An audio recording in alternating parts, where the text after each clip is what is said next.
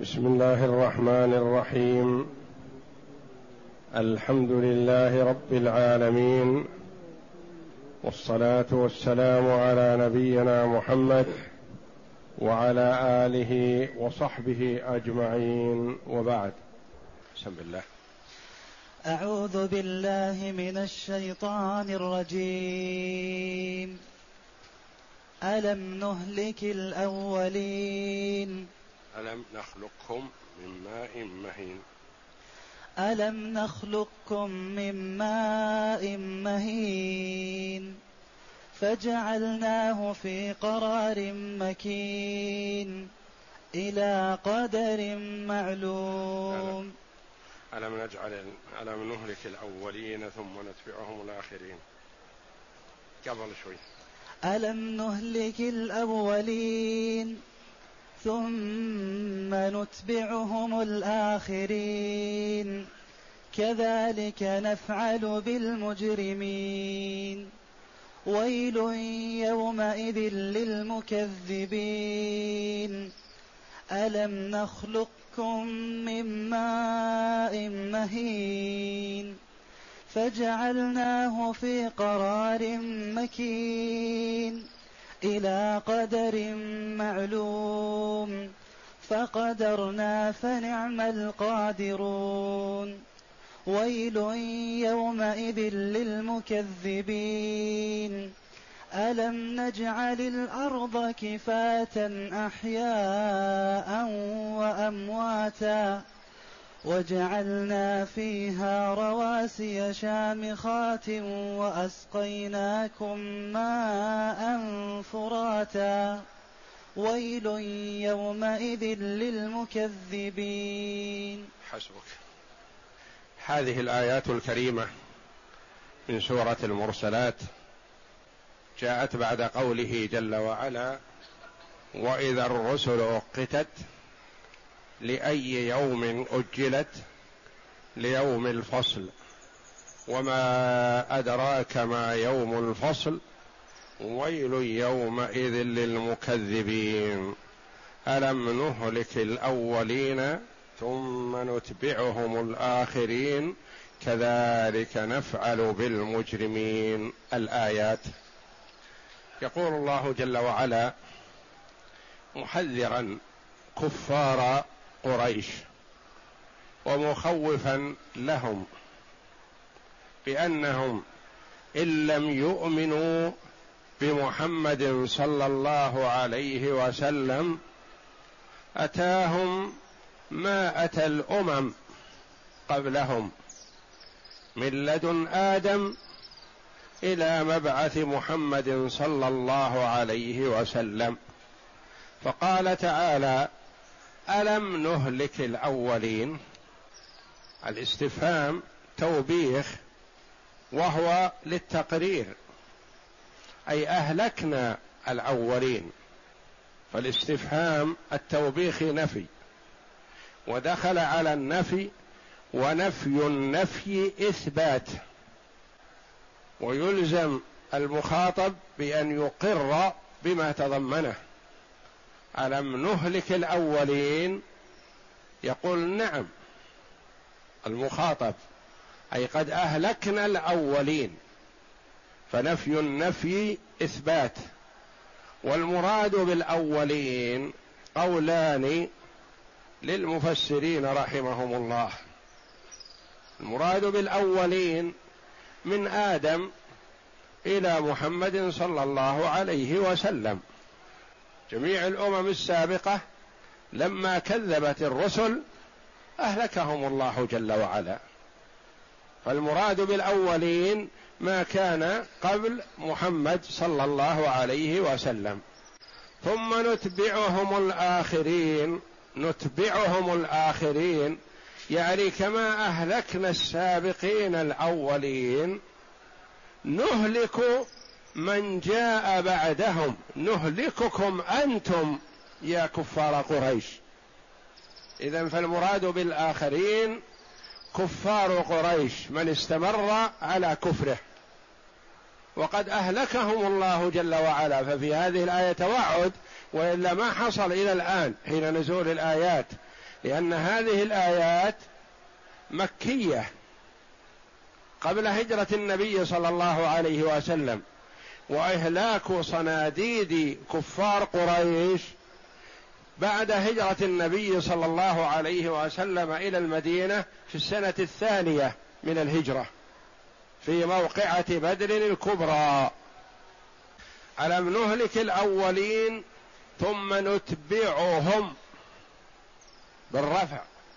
ولا يصح على هذا ثم نتبعهم لأنهم إلى الآن ما أهلكوا حال نزول الآيات. ويوضح هذا أكثر قراءة عبد الله بن مسعود ثم سنتبعهم. بسين التسويف الذي سيأتي فيها تنفيس وإمهال ثم سنتبعهم يعني سنتبعكم إياهم إن لم تؤمنوا. ألم نهلك الأولين ثم سنتبعهم الآخرين. الآخرين الآتين بعدهم يعني أنتم. وقراءة الرفع على أنها الاستئناف. ثم نتبعهم يعني يحصل هذا لمن جاء بعدهم. وأنتم هم. ولا يصح على هذا الجزم ثم نتبعهم.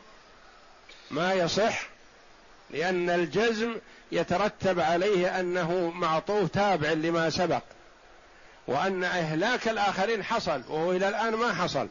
حال نزول الآيات ما حصل. وإنما حصل بعد.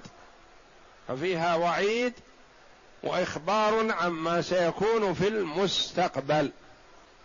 القول الآخر أن المراد بالآخرين الأنبياء أمم الأنبياء المتأخرين. فالمراد بالأولين مثلا قوم نوح وعاد وثمود هؤلاء المتقدمون.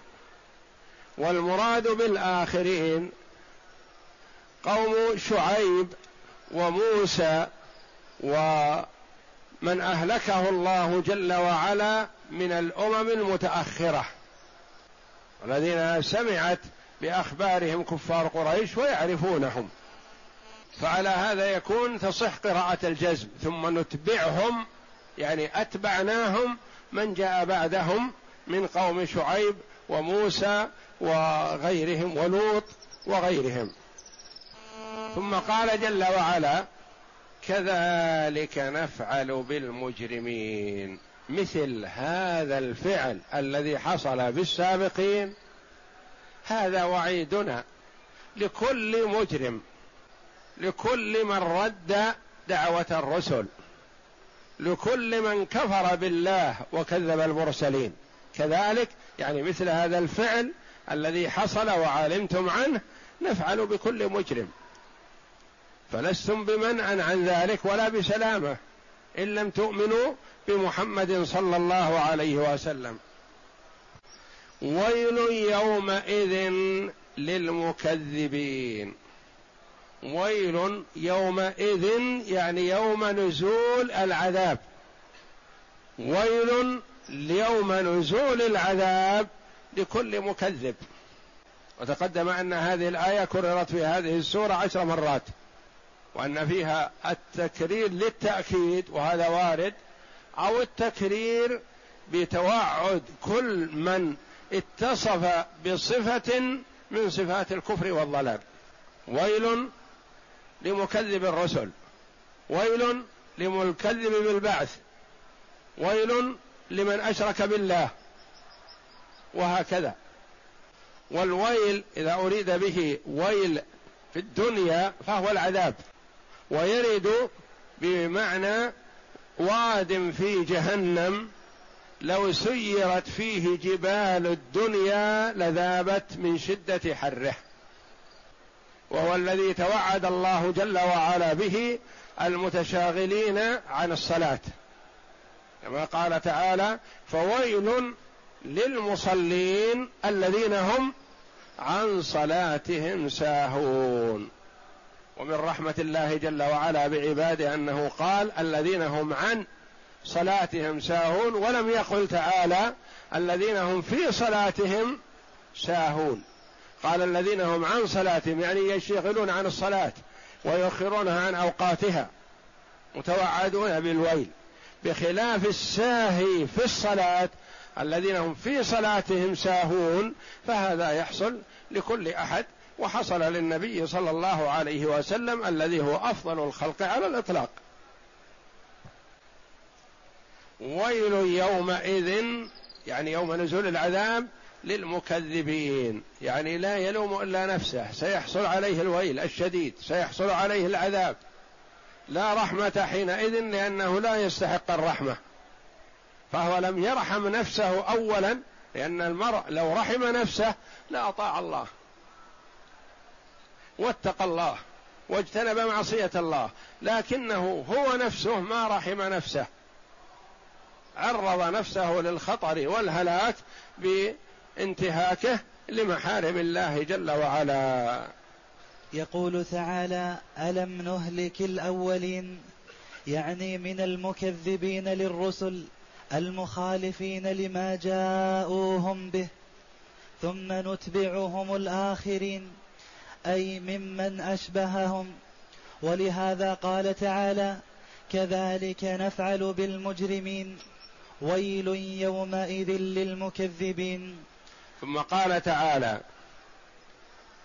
تخويفا وزجرا واستدلالا على القدرة على البعث وأنه سهل على الله جل وعلا.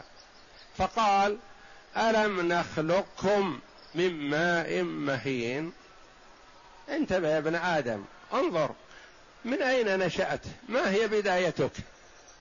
من ماء مهين مهين ضعيف حقير. منتن قذر ألم نخلقكم من ماء مهين وهو المني يخرج من الرجل مع مني المرأة فيتكون منهما الولد ذكرا كان أو أنثى. يا ابن آدم كيف تتكبر عن عبادة الله وهذا أصلك؟ كيف تتكبر عن عبادة الله؟ والله خلقك أول الأمر. كيف تنكر البعث؟ بانه غير قادر على البعث وقد أنشأك من هذا.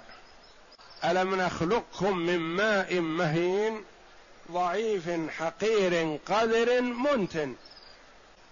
كما قال جل وعلا ثم جعل نسله من سلالة من ماء مهين في سورة السجدة.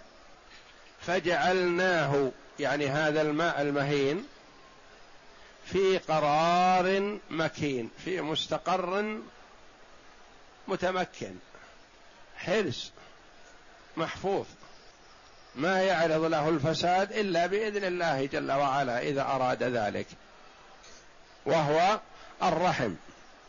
يجتمع ماء الرجل وماء المرأة بإذن الله فيستقر في الرحم حتى يتطور من طور إلى طور حتى يحين وقت الولادة. إلى قدر معلوم. إلى قدر يعني وقت معلوم. جعله الله جل وعلا. فالله جل وعلا يعلم ما تحمل كل أنثى وما تغيظ الأرحام وما تزداد وكل شيء عنده بمقدار. وما تحمل من أنثى ولا تضع إلا بعلمه.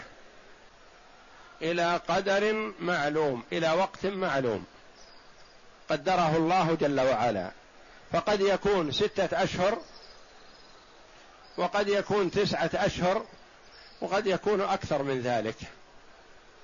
فأقل مدة الحمل ويعيش فيها الجنين ستة أشهر.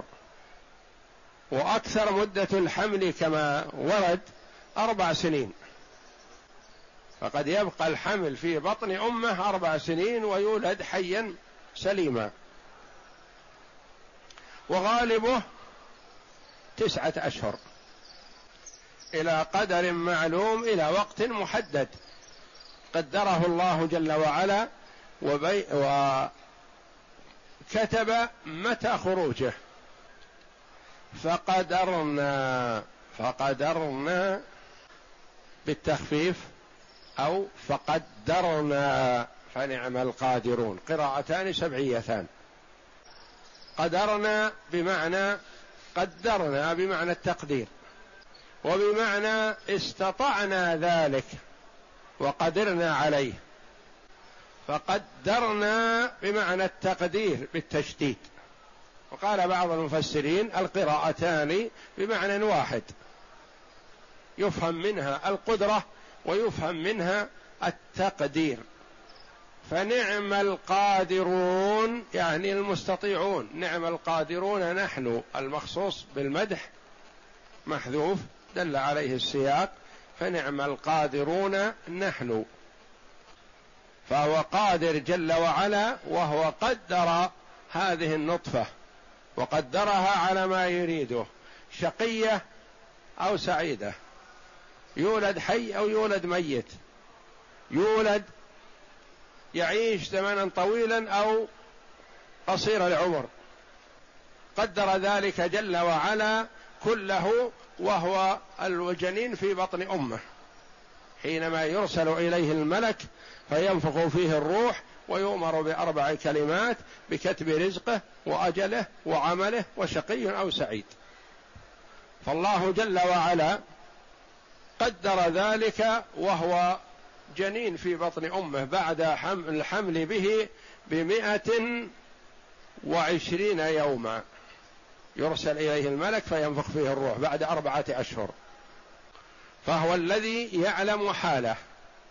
قد يقول قائل قوله جل وعلا ويعلم ما في الأرحام وقوله تعالى فقدرنا فنعم القادرون أو قدرنا الآن أصبح الأطباء يعرفون الحمل هو ولد ولا بنت ذكر أو أنثى فهل يؤثر على مفهوم الآية الكريمة؟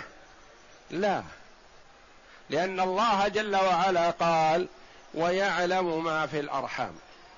يعلم ذكر أو أنثى. يعلم شقي أو سعيد. يعلم يولد حي أو ميت. يعلم يطول عمره أو يقصر. يعلم ما يكون مآله بعد ولادته. يعلم ما هي صنعته وعمله بعد كبره. ماذا سيكون؟ يكون عامل عالم يكون مهندس يكون طبيب يكون يعلم ذلك جل وعلا. وكون الأطباء مثلا يعلمون أهو ذكر أم أنثى هذا لا إشكال فيه. ولا يؤثر على الآية لأنهم يستطيعون بآلات يطلعون على ما في الرحم فيرون آلة الذكورية وآلة الأنوثية. يرى بالعين. وهذا مما توصل إليه الطب الحديث يعني ولا يتنافى مع الآية الكريمة. لأن قوله جل وعلا يعلم ما في الأرحام يعني من كل وجه. وأما الطبيب مثلا يعرف يقول الحمل هذا ذكر لأنه رأى ذكره. أو يقول هذا أنثى لأنه رأى فرجها. يراه بالمجهر وبالشيء الأشياء التي يستطيعون مثلا رؤية ما تحت الجلد. فقدرنا بالتخفيف أو فقدرنا فنعم القادرون. ويل يومئذ للمكذبين. ويل يومئذ يوم نزول العذاب. للمكذب بذلك. المكذب بقدرة الله جل وعلا. ويل للمكذب بجحد نعمة الله. لأن الواجب على العاقل أنه يعامل من أحسن إليه معاملة حسنة. لو أحسن إليك واحد من الخلق لوجب عليك عقلا أن ترد الإحسان إليه تعامله بالمثل. فكيف أن الله جل وعلا يخلق العبد وينعم عليه ويطوره من طور إلى طور؟ ويتولاه ويرزقه ويجري عليه رزقه وهو في بطن أمه. ويتولاه جل وعلا بعنايته إلى أن يولد ثم يجري له رزقه. فيسوق الله جل وعلا له الرزق وهو في بطن أمه. يأتيه الغذاء هذا الحيض الذي يتوقف عن الحامل يتو... يسير ينقلب بقدرة الله جل وعلا غذاء للجنين اللي في البطن. فإذا ولدت الحامل خرج الدم الزائد مع النفاس. ثم يكون منه ما يتوجه إلى الثديين يكون غذا للطفل بعد ولادته والزائد يخرج الحيض. ولهذا قل أن تحيض الحامل و وقد لا تحيض المرضع. كثير من المرضعات يتوقف عنها الحيض بالرضاع لأن الحيض ينقلب بإذن الله غذاء للجنين للولد المولود بعد ولادته فيكون حيض المرضع قليل وكثير من النساء في حال رضاعها ما ما تحيض. فلذا يتوقف حيضها وتختلف عدتها لو طلقت في حال الرضاع. بعض المطلقات مثلا تطلق وهي مرضع فتطول العدة لأنها ما تجيها العادة والحيض ما يجيها في شهريا يختلف اختلاف كثير بسبب تحول دم الحيض هذا إلى غذاء للمولود بعد ولادته عن طريق الثدي. وغذاه في حال الحمل به عن طريق السر بإذن الله. بقدرة الله جل وعلا يجري له رزقه من آه، جسم أمه. ويل يومئذ للمكذبين لمن كذب بهذا؟ كذب بقدرة الله على الخلق أولا ثم قدرته على البعث ثانيا. كذب بنسبة الله جل وعلا إلى عدم العلم. الله جل وعلا قدر كل شيء. وقدر هذا الجنين كم يأخذ في بطن أمه ومتى يولد ومتى وماذا سيكون. وهو جل وعلا يعلم ما الخلق عاملون قبل أن يخلق السماوات والأرض بخمسين ألف سنة. ألم نخلقكم من ماء مهين أي ضعيف حقير بالنسبة إلى قدرة الباري عز وجل؟ فجعلناه في قرار مكين جمعناه في الرحم وهو قرار الماء من الرجل والمرأة والرحم معد لذلك حافظ لما أودع فيه من الماء. إلى قدر معلوم يعني إلى مدة معينة من ستة أشهر إلى تسعة أشهر. ولهذا قال تعالى فقدرنا فنعم القادرون ويل يومئذ للمكذبين. ثم قال تعالى ألم نجعل الأرض كفاتا؟ هذا امتنان آخر. امتنان من الله جل وعلا على عباده. ألم قد جعلنا. ألم نجعل الأرض كفاتا؟ أحياء وأمواتا. الكفات ما يكفت فيه الشيء يعني ما يحويه. كفته بكذا بمعنى حواه بكذا أو جعله فيه أو أدخله فيه. فالله جل وعلا يقول قد جعلنا الأرض كفاتا حاوية لكم الحي على ظهرها والميت في بطنها. وهذه نعمة عظيمة كما امتن الله جل وعلا على ابن آدم بقوله ثم أماته فأقبره فالقبر نعمة من الله جل وعلا وهو الذي وفق عباده لأن يفعلوا هذا الفعل ويتقابروا. وإلا ابن آدم الأول لما قتل أخاه عجز ما يدري كيف يصنع. جثة أخيه بين يديه بحل بها. فأرسل الله جل وعلا له هذا الغراب الذي يبحث في الأرض ليريه كيف يواري سوءة أخيه كما قص الله علينا جل وعلا في كتابه العزيز.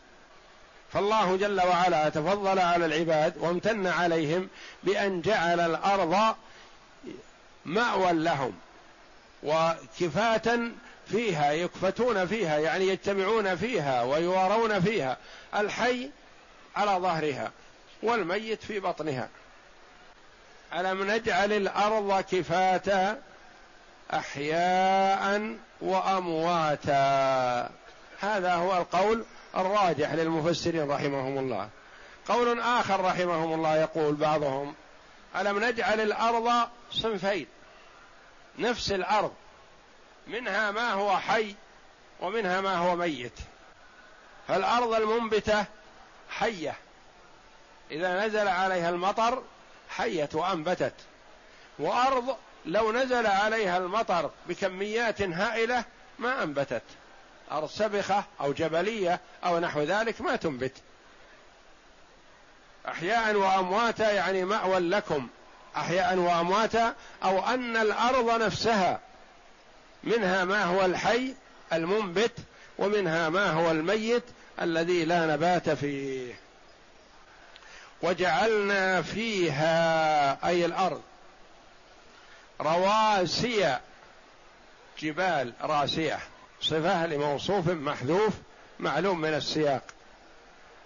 رواسي شامخات مرتفعات عظيمات والجبال أوتادا. فالله جل وعلا ثبت الأرض بهذه الجبال العظيمة. وهي منة من الله جل وعلا على العباد لئلا تتحرك بهم وتروج. فالله جل وعلا أول ما خلق الأرض تحركت ثم ثبتها جل وعلا بهذه الجبال العظيمة. وجعلنا فيها رواسي شامخات مرتفعات عظيمة ثقيلة قوية تثبت الأرض بمثابة الوتد الذي يثبت الشيء. وأسقيناكم منة عظيمة. ماء فراتا ماء عذب. الفرات العذب سواء كان نازل من السماء أو نابع من الأرض. المطر النازل من السماء والعيون النابعة من الأرض. ولو كانت المياه النازلة مرة أو مالحة ما استفاد منها الناس. ولو كانت كلها حلوة لعدم كثير من المصالح. فالله جل وعلا جعل الأنهار حلوة. يستفيد منها الناس في شربهم وزروعهم وغير ذلك من حاجاتهم. وجعل البحار مالحة ليستفيدوا منها من نواحي أخرى. لأن البحار لو لم تكن مالحة ما عاشت فيها كثير من الحيوانات. واللؤلؤ قيل أنه من البحار الماء وأسقيناكم ماء فراتا يعني عذبا زلالا نعمه من الله جل وعلا. أجرى لكم هذا الماء. ورد أن أربعة من أنهار الدنيا هي من أنهار الجنة. سيحون وجيحون والفرات والنيل. وليست في الجنه على صفتها هذه بل ما في الجنة كله خال من القذى والأذى والتراب وغير ذلك. وأسقيناكم ماء فراتا. ويل يومئذ للمكذبين بهذه النعمة. هذه نعم عظيمة. يجب على المؤمن أن يحمد الله جل وعلا عليها ويشكره ويؤمن به ويؤمن برسله. فمن كفر مع هذه النعم ومع هذا التقرير والإيضاح والبيان فالويل له. ويل يومئذ للمكذبين بذلك. اقرأ. ألم نجعل الأرض كفاتا أحياء وأمواتا؟ قال مجاهد يكفت الميت فلا يرى منه شيء. وقال الشعبي بطونها لأمواتكم وظهورها لأحيائكم. وكذا قال مجاهد وقتاده وجعلنا فيها رواسي شامخات يعني الجبال رسى بها الأرض لئلا تميد وتضطرب. وأسقيناكم ماء فراتا أي عذبا زللا من السحاب أو مما أنبعه من عيون الأرض. ويل يومئذ للمكذبين. أي ويل لمن تأمل هذه المخلوقات. الدالة على عظمته الدالة على عظمة خالقها ثم بعد هذا يستمر على تكذيبه وكفره. والله أعلم. وصلى الله وسلم وبارك على عبده ورسول نبينا محمد وعلى آله وصحبه أجمعين.